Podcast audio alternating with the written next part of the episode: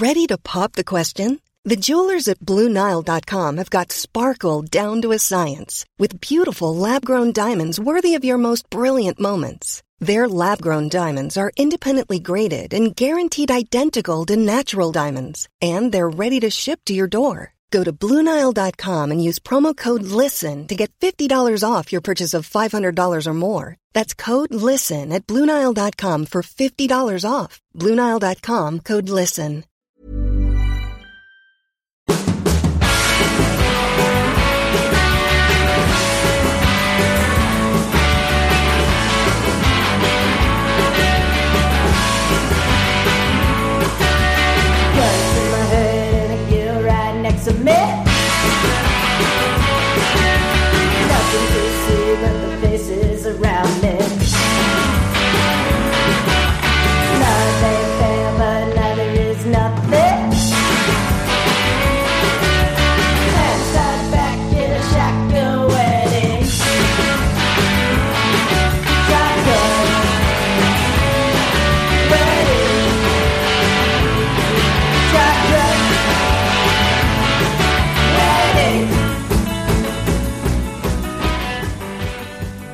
Välkomna kära lyssnare till Indiepodden 88. Idag ska vi snacka ner racet på Mid-Ohio och med mig har jag Anna Andersson och Jakob Fredriksson. Kul att ha dig med också, Ronny.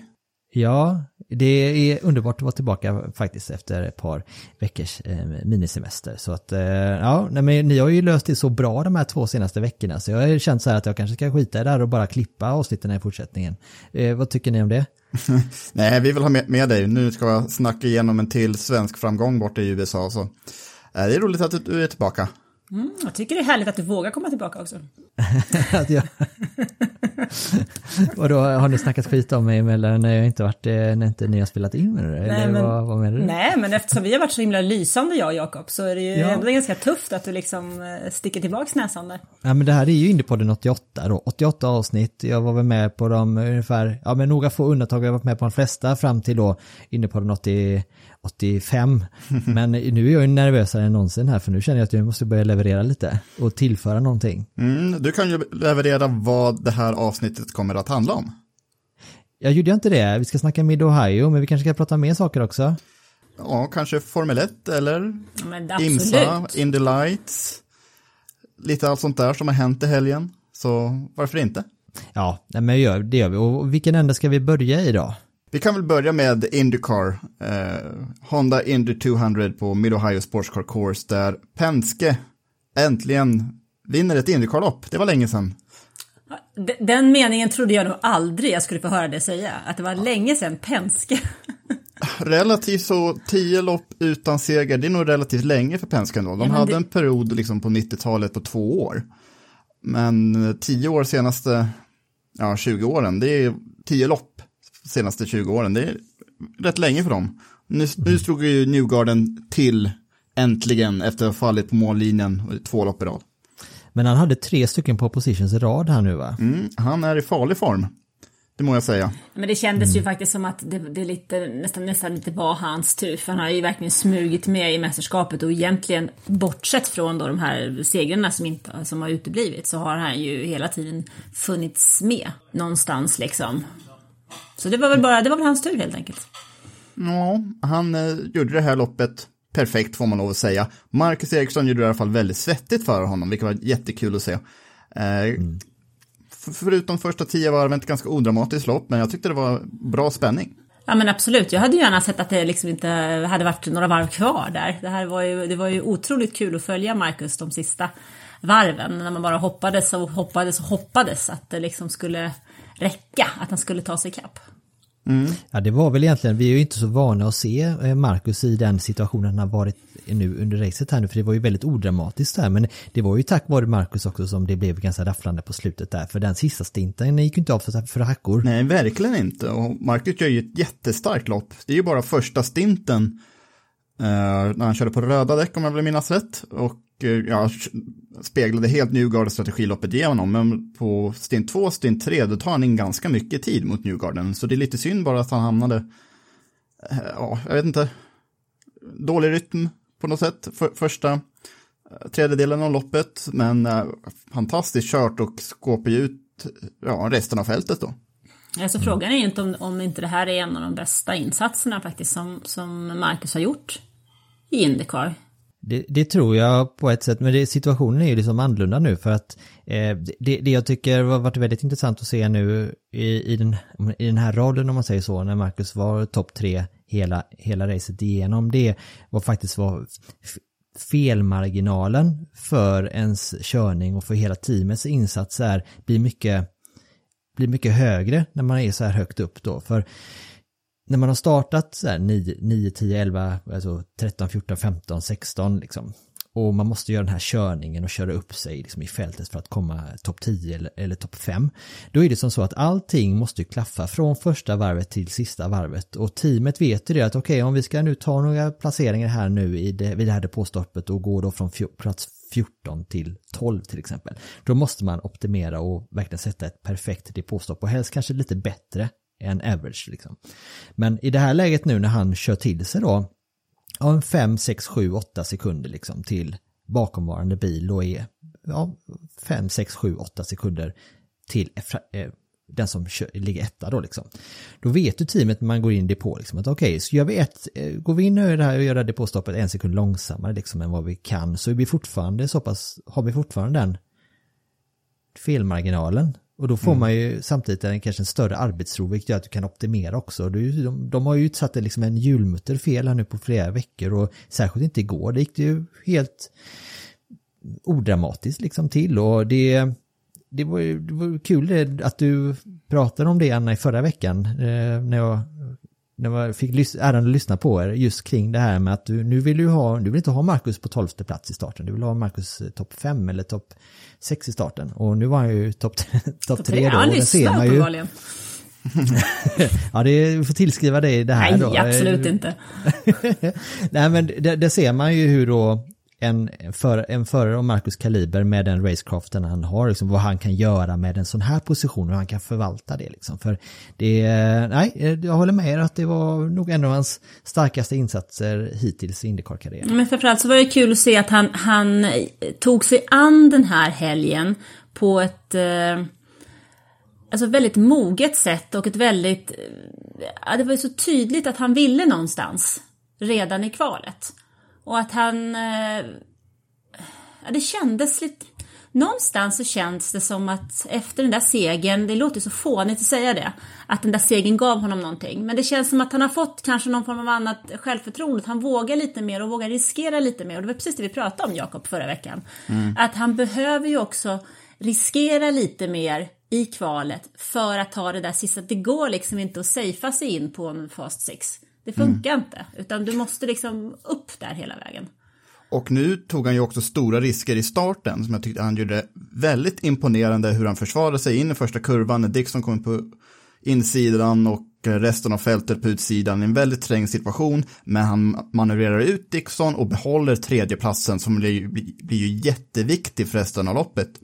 För sen är ju, först var det Alex Rossi som hade en alternativ däckstrategi som var lite, ja, agerade Jarno Trulli.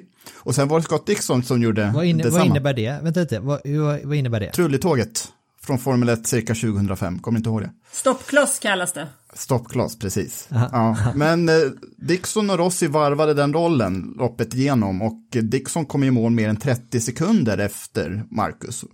Eh, Alex Palou lyckades ju ta sig förbi bägge i sista depåstoppet, men även han var 20 sekunder efter Marcus, och Marcus var ju definitivt den snabbaste av Ganassi-bilarna den här helgen. Det var ju, ja, två, tre stint på av loppet så var Marcus snabbast på banan kan man ju lugnt säga. Ja, en stark Chip Ganassi-helg får man ändå säga, för tar vi topp fem här nu så var det ju Joseph Newgarden på första plats då, så hade vi Marcus på andra, Alex Palou på tredje plats, drygade ut sin ledning i mästerskapet nu, så hade vi Scott på fjärde plats och så Alexander Rossi på femte då, så att eh, två, tre, fyra Chip Ganassi i den här helgen. Men alltså killar, det är ju någonstans så att man måste ju våga för att vinna.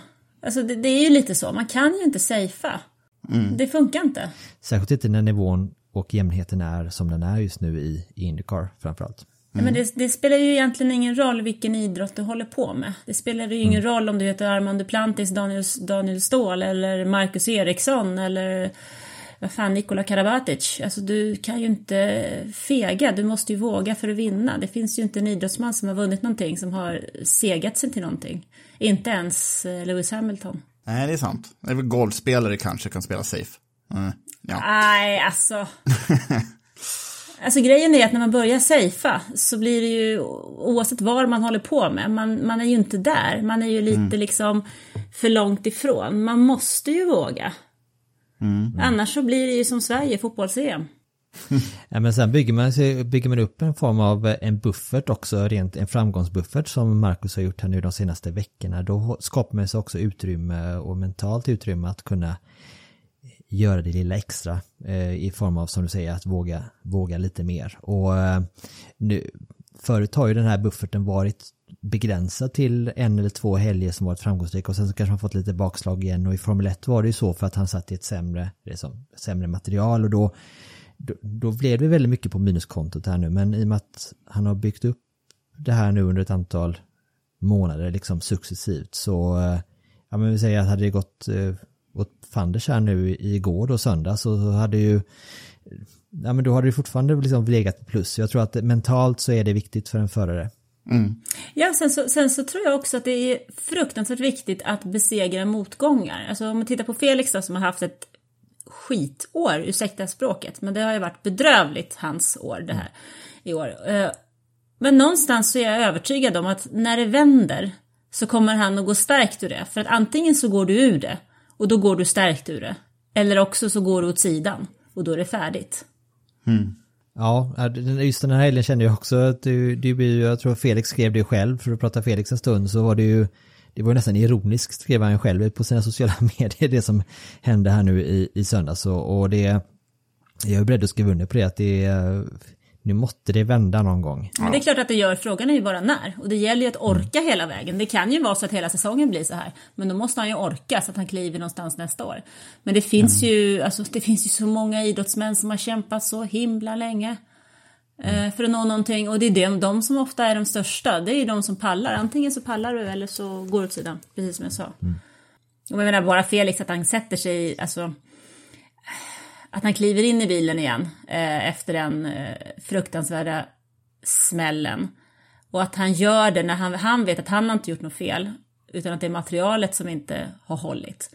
Den måste ju, kan jag känna som utomstående och fundera lite över att Fasen man måste ju lita på det där. Litar man på det? Litar man på gänget när de talar om att nu har vi ändrat, nu håller den? Det måste man ju göra. Och har man då bestämt sig för att köra så måste man ju orka liksom och då blir man ju starkare. Mm.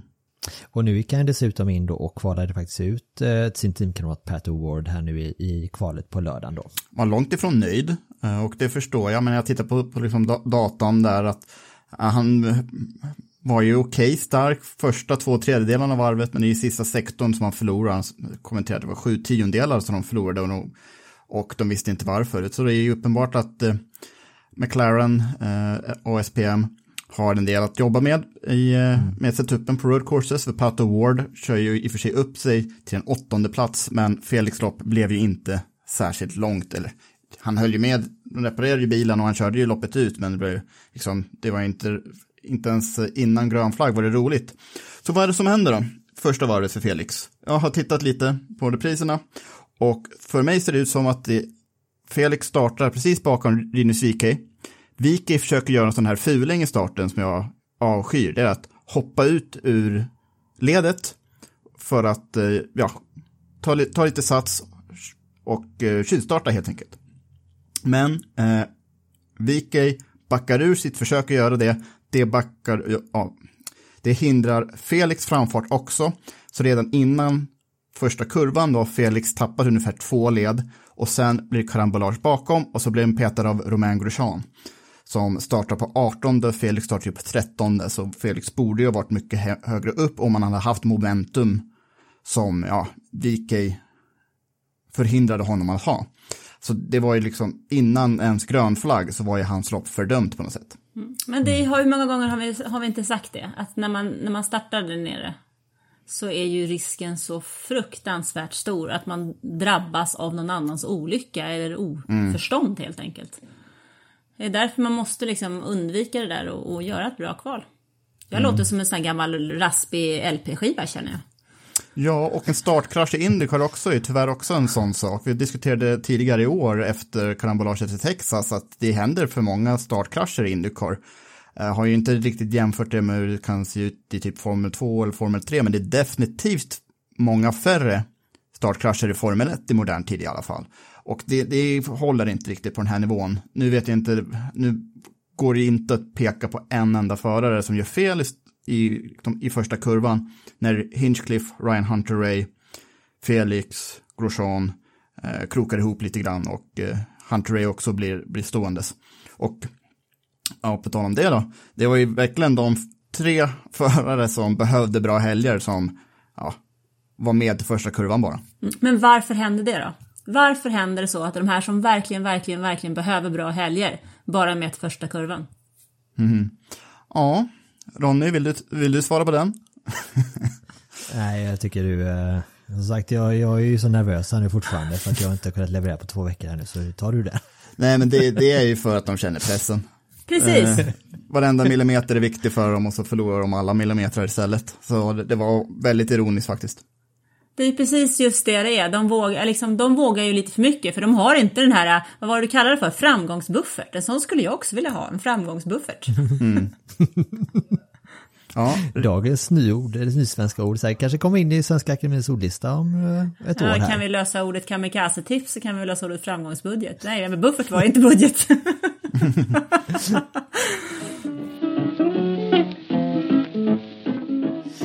Efter den här eh, alltså startincidenten då för Felix del så fick han ju, han kom ju ett, fick ju ett varv liksom efter redan från början då egentligen och sen han fick väl avsluta resten av racet, han, bilen var ju skadad. ja och han hade ju inte pace eh, efter skadan på bilen, så han blev ju två varv efter i mål.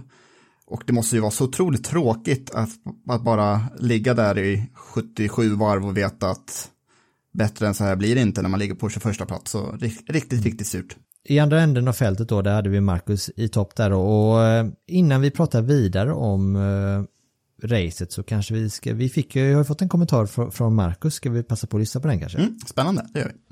såklart en, en väldigt bra helg eh, nu när jag ser tillbaka på den. Eh, som grundlades med, med det fina kvalet på lördagen. Eh, väldigt viktigt eh, på, på alla banor såklart, men, men framförallt på Mid-Ohio tror jag att, att starta långt fram. Tycker vi, vi gjorde en bra eh, liksom plan för helgen med att eh, ändra lite eh, hur vi brukar göra och fokuserade mer på att göra så många varv som möjligt på träningarna. Eh, och jag tror att det gav resultat. Jag tror att det gjorde mig lite mer bekväm inför kvalet. Så även om inte tiderna var superbra på träningarna så fick jag många varv för att lära känna bilen och, och veta mer vad jag behövde göra inför, inför kvalet. Då. Så eh, Eh, det är någonting som vi pratade om innan som vi ville prova och som vi provade och som verkade funka väldigt bra. Så det tar vi med oss. Eh, sen själva racet så starten, första kurvorna väldigt viktiga. Eh, jag visste att, att Scott skulle vara aggressiv och han var ju uppe och ja, nästan förbi på insidan men jag liksom satte, satte emot mot både han och Will Power och det var väldigt viktigt för mitt race. Sen eh, ja, efter det så var väl, kändes det bra eh, första delen av första stinten men sen fick jag för mycket understyrt och eh, började köra slut på mina framdäck eh, andra halvan av första stinten på röda och kunde inte riktigt hålla tempot som Joseph och Colton hade framför. Eh, och eh, fick kämpa då eh, sista eh, delen av första stinten men lyckades ändå köra snabbare än, än Scott och de övriga bakom då så det, det såg ändå bra ut. Eh, men sen de andra två stintarna på svarta var ju min absolut starkaste. Bilen var mycket mer som jag ville ha den balansmässigt och eh, kunde känna under andra stinten vad jag behövde göra för att eh, ta hand om däcken så att de höll en hel stint. Då. Så när jag gick, kom ut där på sista stinten som tvåa med, vad var det, åtta sekunder upp till Newgarden så visste jag att jag skulle kunna eh, i alla fall ta hand om däcken på ett bra sätt. Och sen fick vi se hur det, hur det gick för Joseph då, hur han skulle klara av att göra det. Och eh, märkte med tio varv kvar att jag verkligen hade bra hugg på honom och tog in väldigt mycket och satsade allt för att komma ikapp. Och ja, som sagt hade behövt kanske ett varv eller två till för att verkligen tagit den där segern. Men eh, oavsett så var det en otroligt stark eh, tävling och bra res resultat, bra med poäng och hoppa upp till femma i mästerskapet. Så det nej, känns fantastiskt bra nu när vi går på uppehåll och väldigt laddad för avslutande delen av säsongen. För ett par månader sedan pratade vi om problemen med kvalfart och, problemen i depån. Eh, I helgen här nu så kvalade du P3 och eh, depåteamet har ju inte satt en hjulmutter fel på flera, veckor. Eh, hur har det blivit så här? Eh, ja, kvalen och eh, depåstoppen har varit lite av en, en, en följetong här på ja, sista ett och ett halvt åren här i Ganassi och eh, känns som vi har fått väldigt bra eh, snurr på båda de sakerna nu och, eh, och det ger ju resultat. Eh, speciellt i en sån här serie som Indycar så, så är det ju de små detaljerna som avgör. Så nej, det känns bra att både det hårda jobbet som både jag och teamet har lagt ner har, har, har just givit resultat. Jag jobbar mycket med Dario och eh, lite annat folk för att försöka ta steg på kvalen. För det har varit tydligt att det har varit ja, den sista pusselbiten för mig att, att hitta. Och jag även jobbar mycket med teamet för att se till att depåpersonalen är på, på tårna och, och liksom är med i toppen. För att det är så himla viktigt. Så ja, det gäller att fortsätta eh, med det. Nu är det sommaruppehåll och eh, som sagt, du är en ny femma i mästerskapet. Vad har du planerat för veckorna fram till Nashville? Nu de här fem helgerna, eller fem veckorna som uppehåll så kommer jag åka hem till Sverige två, tre veckor. Och sen tillbaks till eh, USA igen för att ladda för sista delen av säsongen. Jag tänkte det på det Marcus nämnde om, om starten där, där att han visste att Scott Dixon skulle vara aggressiv eh, på, som, när han kom bakifrån där och så som Marcus stängde dörren för honom där in i eh, var det, det var väl in i kurva 1 eh, då. Mm. Eh, jag tycker det, där märkte man också en scenförändring eh, eller en attitydförändring för det har känts lite som att Scott Dixon har gjort lite vad han har velat senaste, ja. sedan Marcus kom till Chip Ganassi. Han har liksom, Marcus har liksom inte kunnat, han har liksom inte stängt dörren lika bryskt mot, mot Scott. För jag förstår det liksom, ny teamet och så är man, han har ju varit med liksom fighter som mästerskap då, Scott, och eh, har varit etta i teamet. Och nu är Marcus i en situation i det här racet där han liksom kör för en pallplats redan från varv ett då, så som han nu markerade han ju att här kommer inte du förbi gratis liksom. Och jag, jag gillade den, den scenförändringen i söndags. Ja, det har jag märkt också från Palous sida, för de vet ju om att en stallkamrat ska man ju inte racea på samma sätt som eh, en annan förare. Och ja. Ja, om det hade varit eh, Pagano eller Newgarden som Will Power sen mötte i eh, roliga kurvan och incidenten som skedde där, då hade jag inte han alls kört likadant. Dixon hade ju inte kört likadant om det hade varit Palou eller Eriksson. Men nu för första gången på ganska länge så är ju Dixons bubbla i Ganassi, den är lite rubbad. Eh, Felix var ju där och försökte peta hål på den förra året efter han vann på Road America, men sen, sen så följer Felix form därefter. De andra stallkamraterna Dixon haft har ju inte alls varit samma nivå, så det är ju åtta år sedan då, så, när Dario Franchitti körde i stallet, som Dixon inte var ensam första förare i stallet. Men nu leder Palou mästerskapet och Marcus är i sin livsform, så eh, Dixon har mer att köra för nu, må jag säga. Mm. Så kanske vi ser mer aggre aggre fler aggressioner från Dixon. Nu var det väldigt aggressivt han körde mot just Will Power där. Men det är kul att, han, att vi får se honom slagen också, för även om han är fyra så har han två starkkamrater före sig i mål. Nu, ska vi inte, nu får man ju liksom ta helg för helg här nu, så nu kvalade ju Marcus fantastiskt här nu i den här helgen då, precis det som har efterfrågats då att eh, P3 startar därifrån, där känner man, ja men nu, nu, om man ändå kan hålla i detta, men vi säger nu, ponera nu att han kan hålla i detta, eh, behålla momentum, Palou fortsätter på sin inslagna linje eh, och leda mästerskapet. Du sa där med att den här Dixons roll har rubbats lite, eller hans bubbla har rubbats lite. Vad, vad, tror ni, om vi ska fortsätta spekulera lite, vad som kommer hända med dynamiken i teamet här nu om det ska fortsätta så här resten av säsongen och eh, även in på nästa säsong? Um, ja, jag tror inte att de kommer tillämpa stallorder för den allra sista loppet. Eller när Dixon eller någon av dem är eh, matematiskt uträknade ur mästerskapet. Och ja, förmodligen blir det då bara sista loppet som de eh, kommer vara det. Så jag tror det kommer vara ganska status quo. Nu har Ganassi tre första förare och var, what's not to like liksom. Det är ju en drömsituation om man heter Chip Ganassi.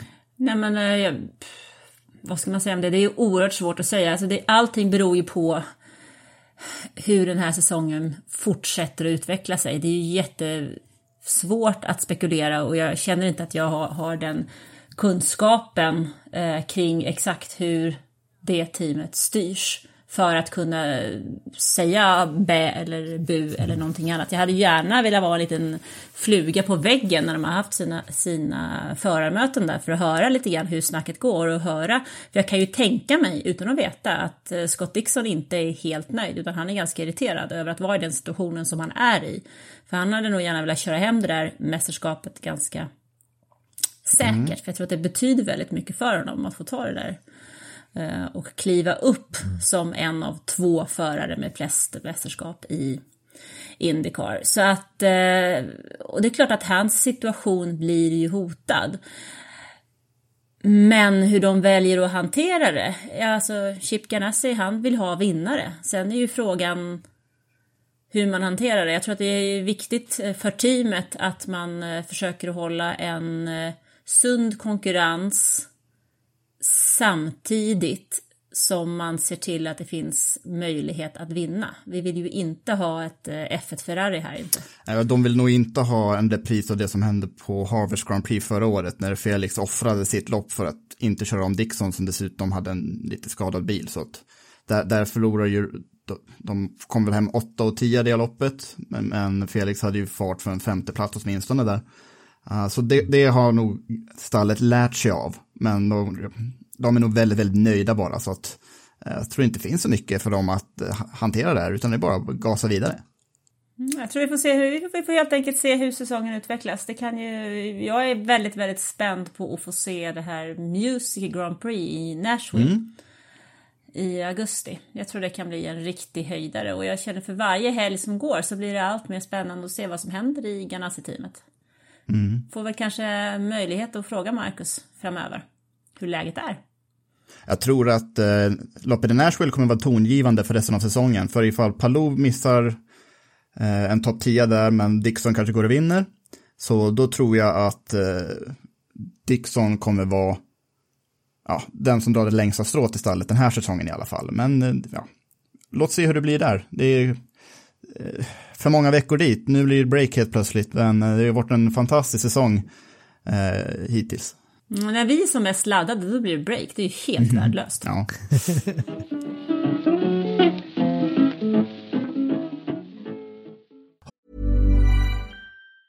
Planning for your next trip? Elevate your travel style with Quince. Quince has all the jet setting essentials you'll want for your next getaway, like European linen, premium luggage options, buttery soft Italian leather bags, and so much more. And it's all priced at 50 to 80% less than similar brands. Plus, Quince only works with factories that use safe and ethical manufacturing practices. Pack your bags with high-quality essentials you'll be wearing for vacations to come with Quince. Go to quince.com slash trip for free shipping and 365-day returns. Har vi några fler guldkorn att lyfta fram från helgens race då? Vi har ju en, eh, vi hade Colton Hurta som hade ju hugg på, på Joseph Newgarden där, han startade från P2 eh, första stinten, men sen så gick det ju egentligen alltid emot honom. strul med bränsleriggen, eh, vilket jag misstänker inte löstes helt, för han fick ju lov att göra ett extra depåstopp på näst sista varvet. Det var tydligen inte all bränsle i den bilen. Och sen körde han motstopp också. Ändå trettonde. Före Simon Paginot till exempel och Rinus Wikey. Eh, men nej, det blev inte en vändning för Andretti-stallet den här helgen. Det var Rossi som tog hem en femteplats, men Hunter Ray och Hinchcliffe var ju borta i första kurvan också.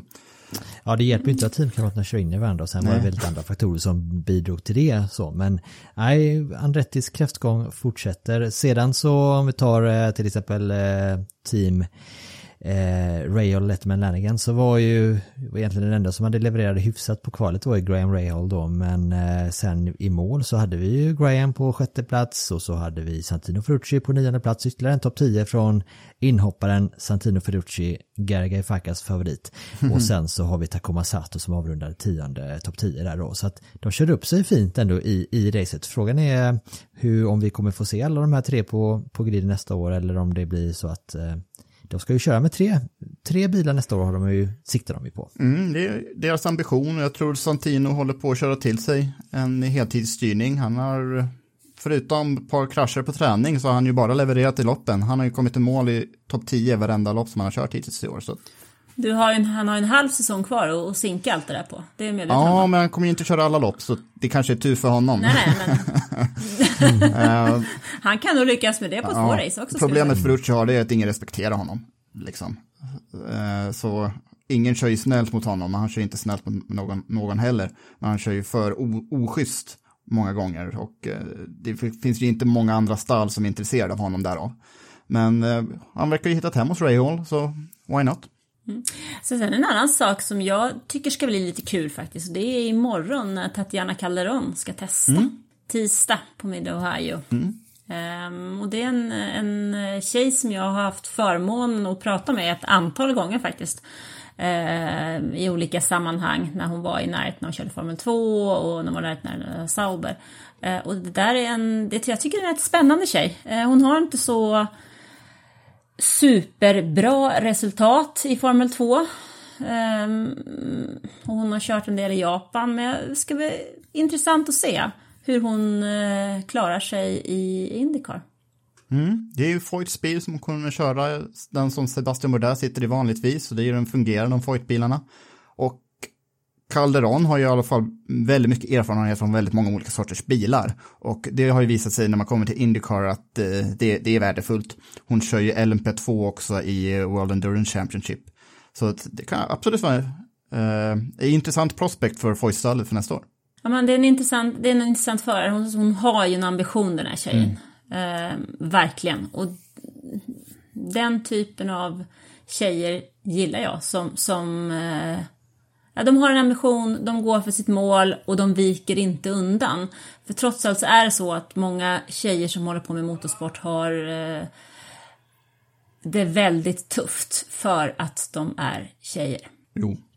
Så att, äh, det är kul att se vad det blir av den.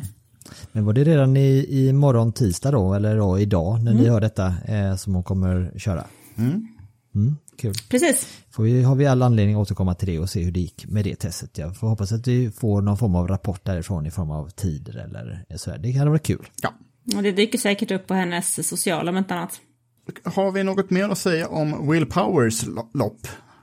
Ja, det började ju, tog ju slut innan det, det började, jag på att säga. Det var eh, en intressant situation där, för eh, det var väl då, det var ju då Scott eh, vände ju runt honom först då och i starten och sen efter några kurvor och sen, nej, herregud, så var det inte alls va?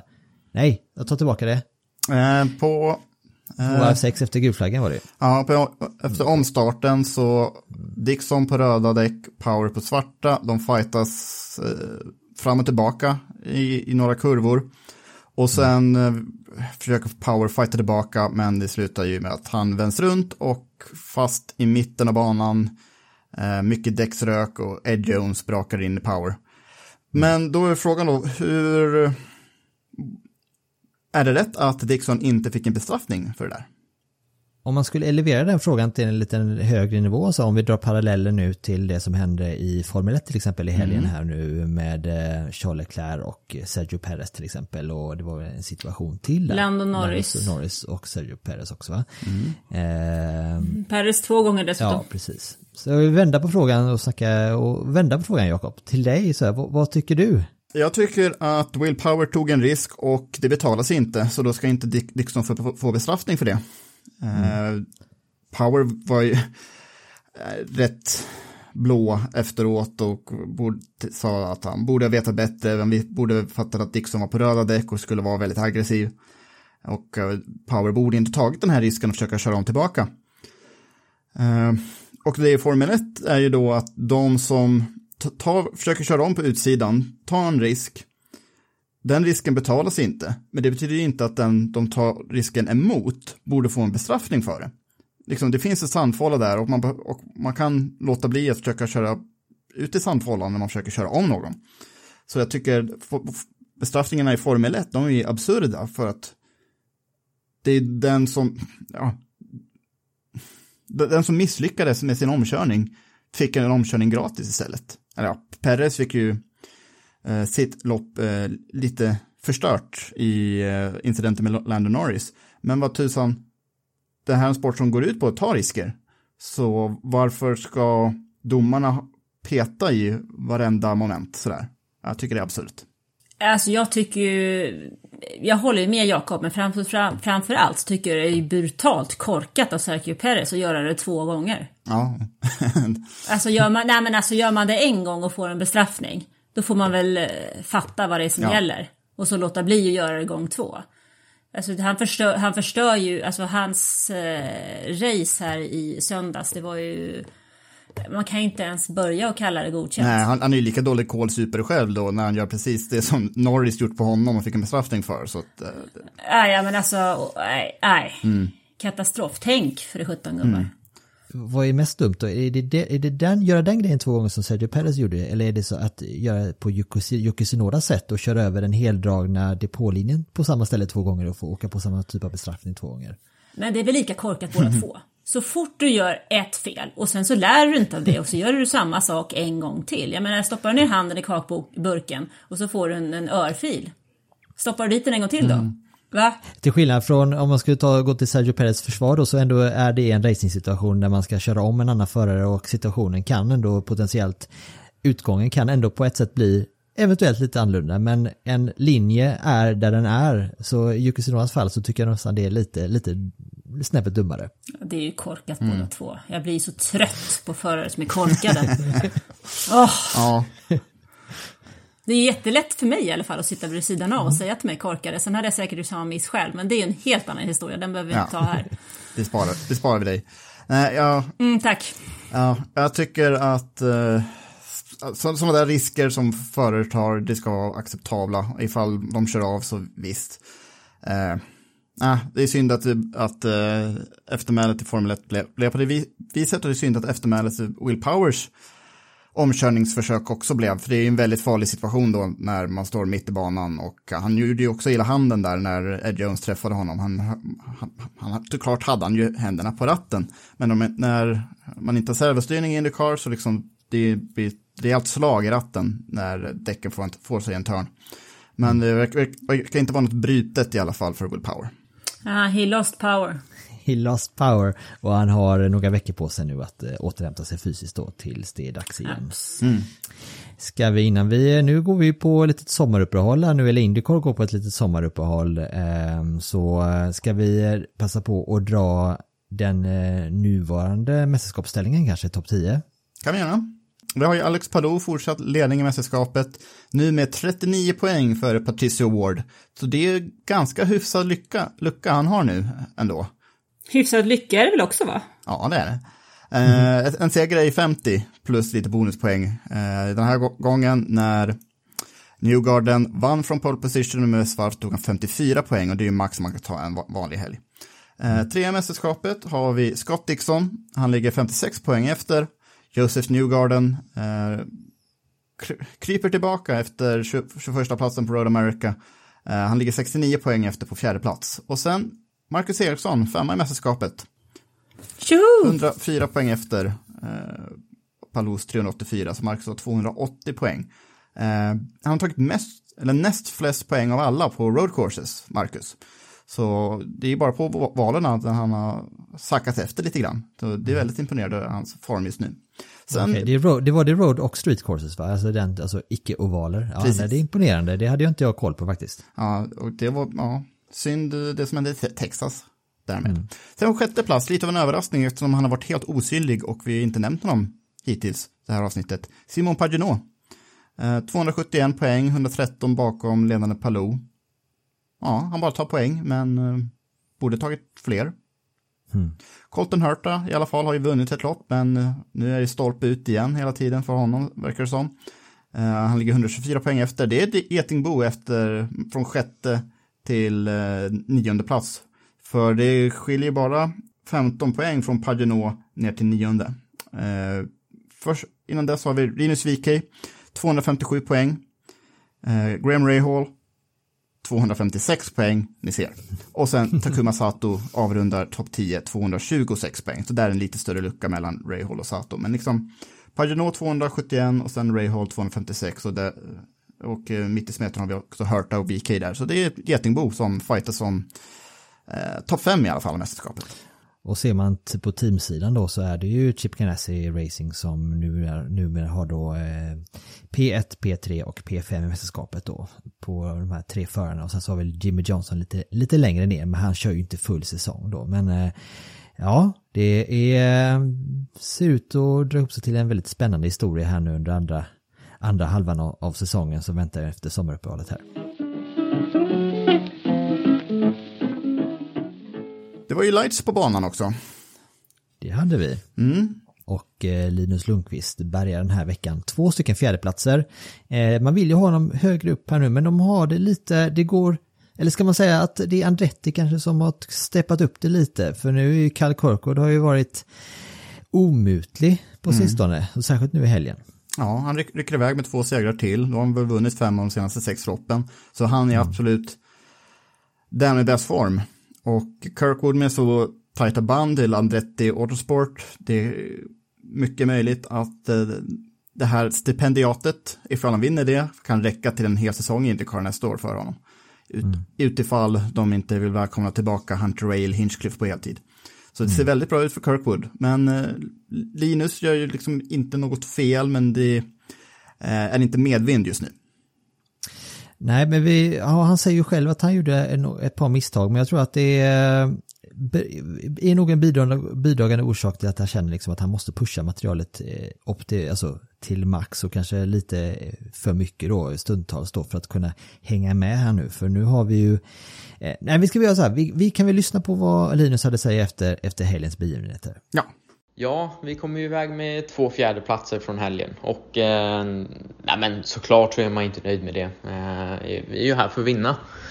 Eh, men ibland, eh, ibland blir det så. Eh, vi hade ju som sagt en, en ganska tuff inledning där, där jag gjorde ett par misstag och, och som sagt satt, satte muren både en och två gånger. Ehm, så eh, när man tittar på hela helgen så eh, får väl två fjärdeplatser inte ses som allt för, mer, allt, allt för stor katastrof.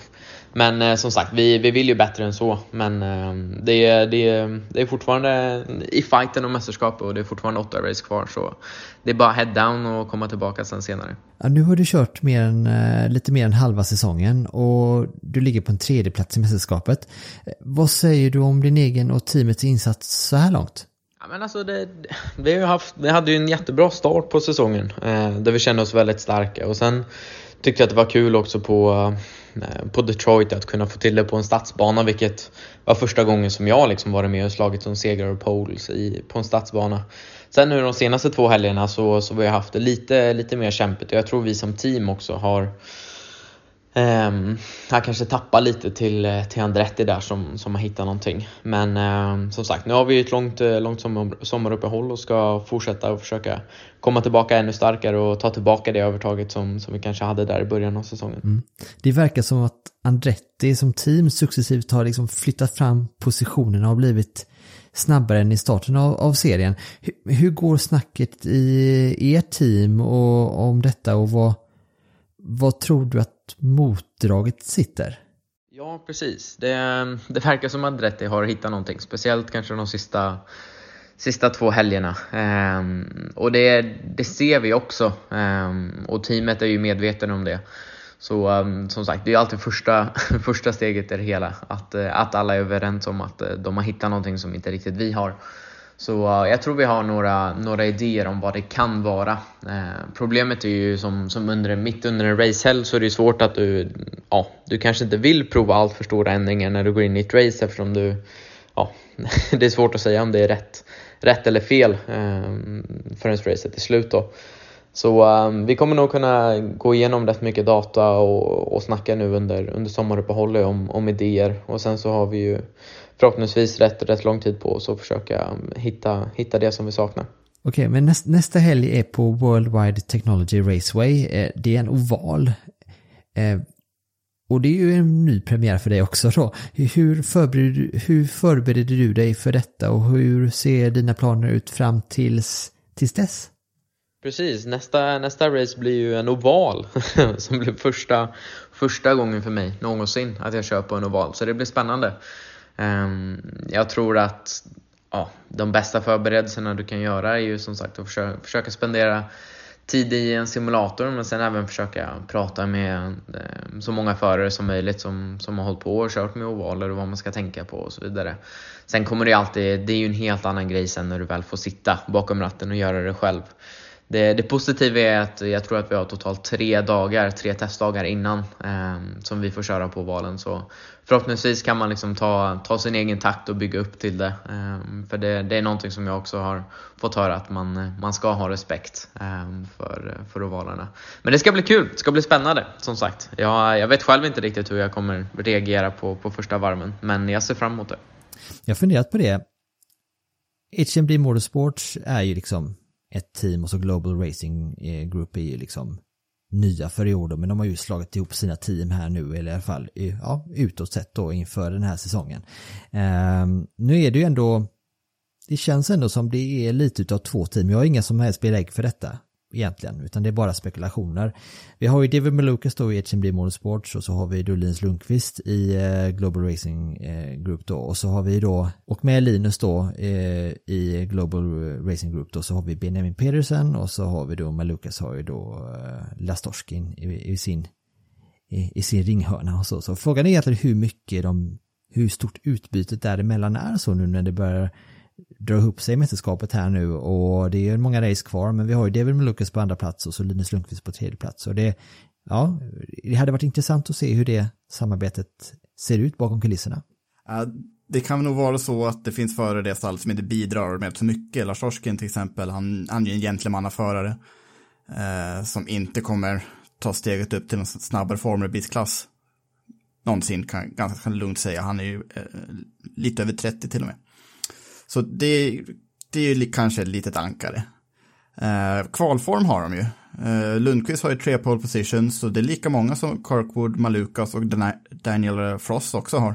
Ser man dock trenden här nu så har det ju varit en, alltså, en adrett-historia sista Mm. tiden här nu och det, det är väl, David Malukas har vi haft lite enklare än Linus de här sista två helgerna. Mm i, eh, i, i kvalen då.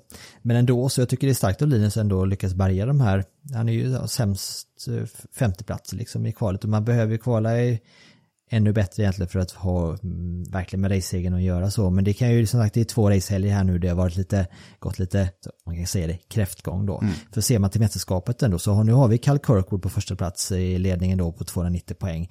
Sen har vi David Malukas då på 279 och så har vi Linus Lundqvist på 265.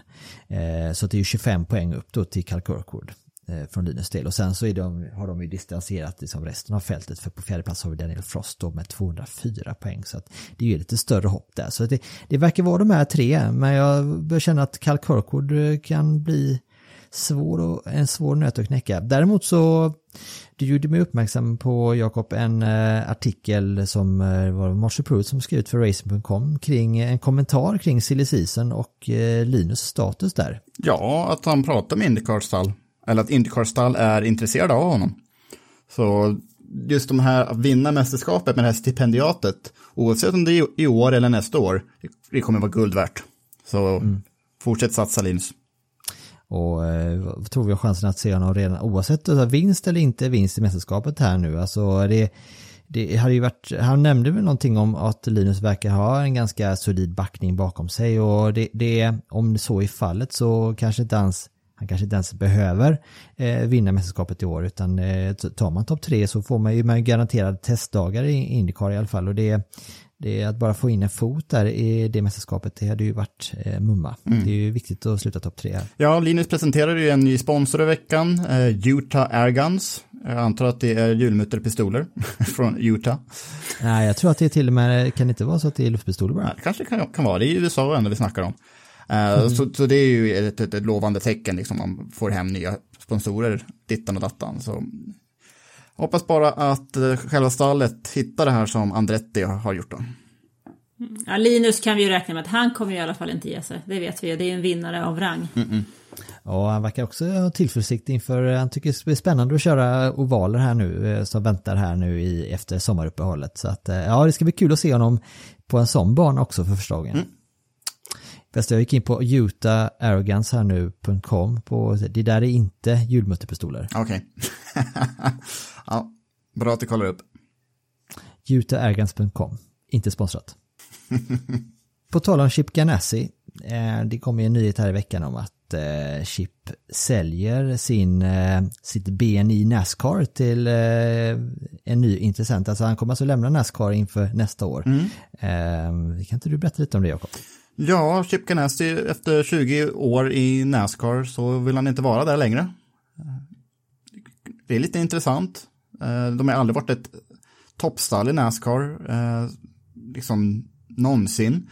Eh, de var så starkast så tid som 2002-2003 när Sterling Marlin ledde stora delar av Nascar-säsongen. 2002 i bil nummer 40, den här ursnygga Silver Bullet sponsrad av Coors Light.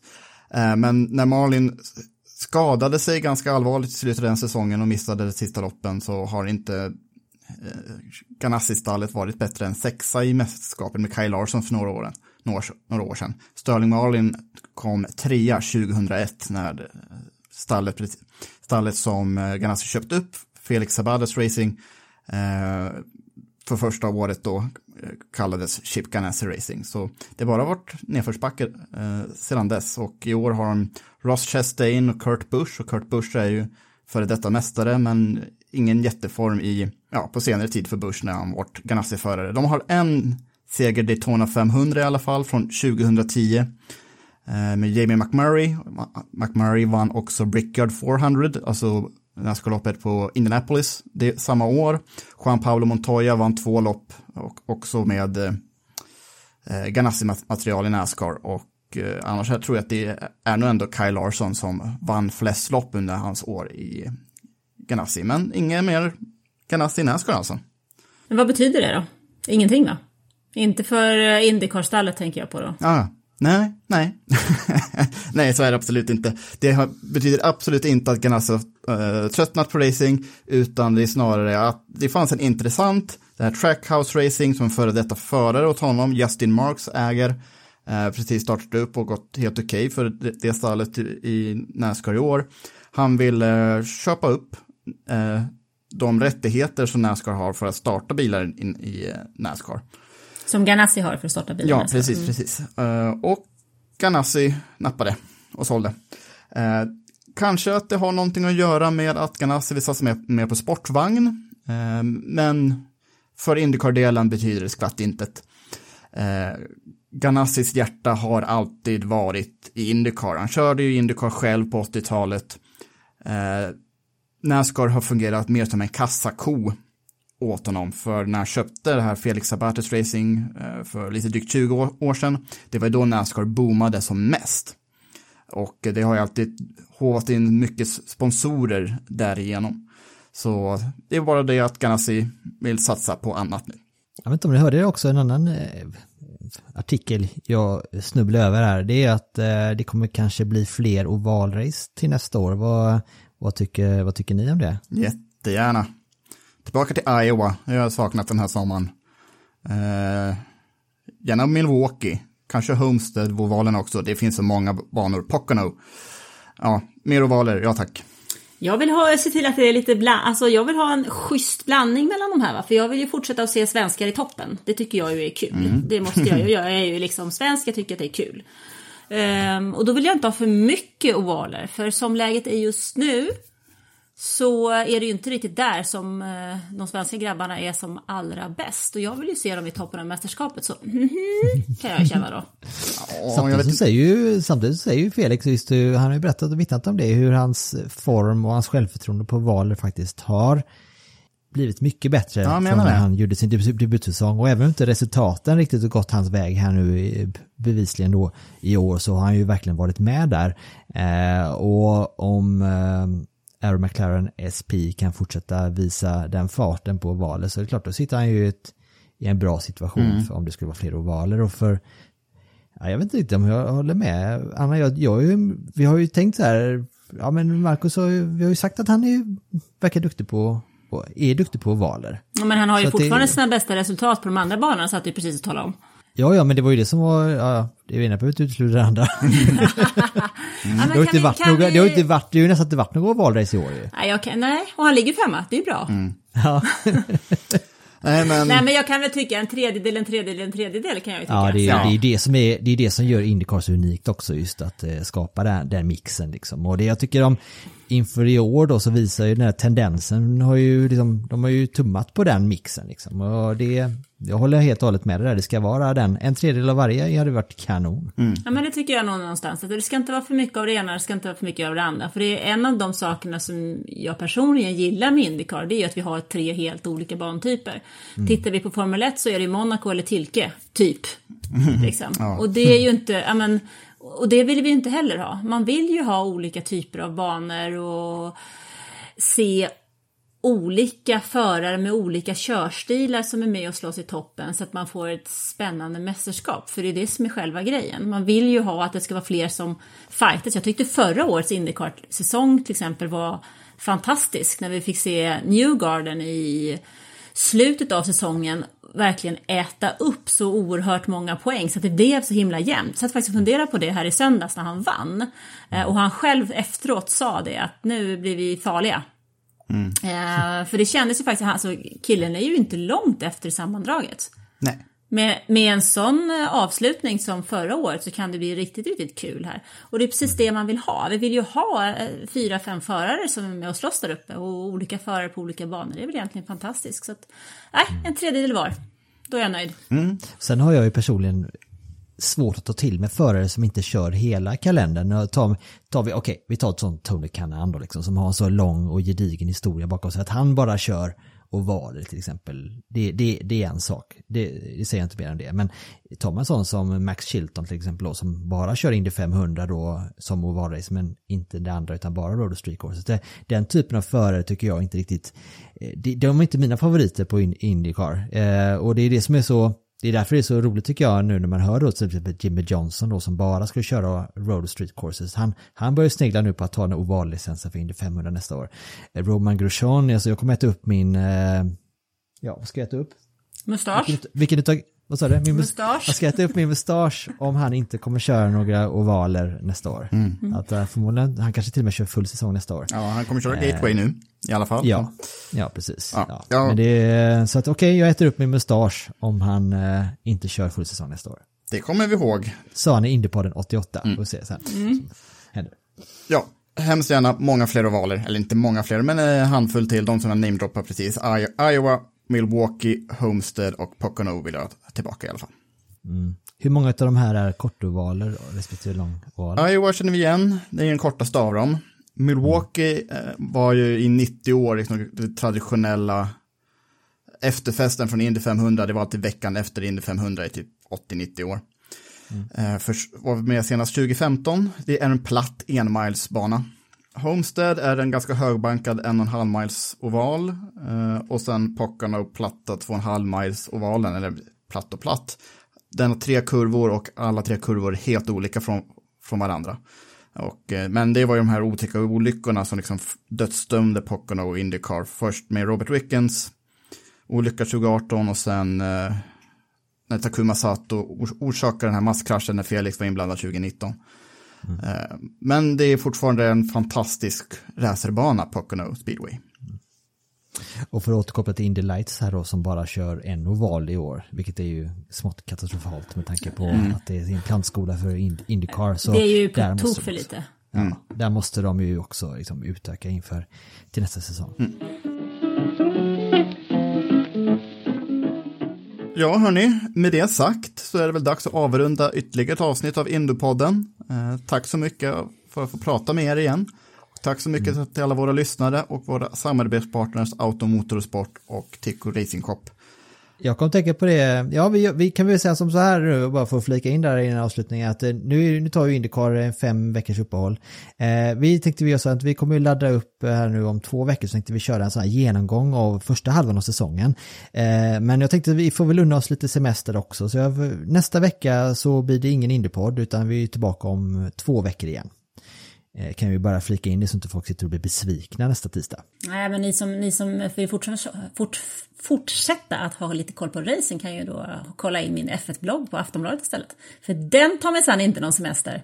Men jag har hört att den, du är ju otroligt aktiv där nu, det händer ju saker där hela tiden. Så Absolut. jag är ju, när det, varenda gång jag går in så det liksom, kommer det en ny, en ny post. Så att, ja, rekommenderas varmt, det är min go-to-ställe för att läsa om motorsport. Men det är klart att ni ska ha ledigt grabbar. Tack så mycket. Ja, men du kommer ju inte ha ledigt för du kommer ju hålla på att rapportera för OS va? Eller det är ju, full- du har fullt full späckat schema hela sommaren. Ja, här blir det en... eh, OS-år är alltid eh, lika med mycket jobb. Jag har eh, varit guideredaktör på Aftonbladet väldigt länge när det gäller just OS-guider. Så att den eh, ska jag se till att få ut så att ni inte missar någonting där heller. För jag är ju snarare inte bara racingidiot, jag är ju sportfåne också.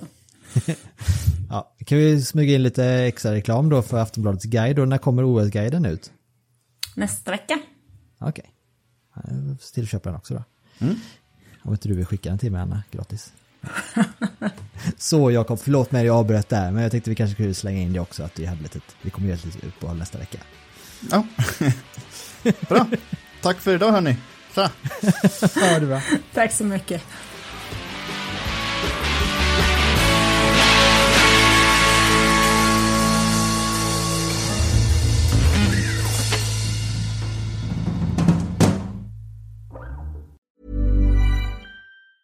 Hey, it's Danny Pellegrino from Everything Iconic. Ready to upgrade your style game without blowing your budget? Check out Quince. They've got all the good stuff shirts and polos, activewear, and fine leather goods, all at 50 to 80% less than other high end brands. And the best part? They're all about safe, ethical, and responsible manufacturing. Get that luxury vibe without the luxury price tag. Hit up quince.com slash upgrade for free shipping and 365 day returns on your next order. That's quince.com slash upgrade.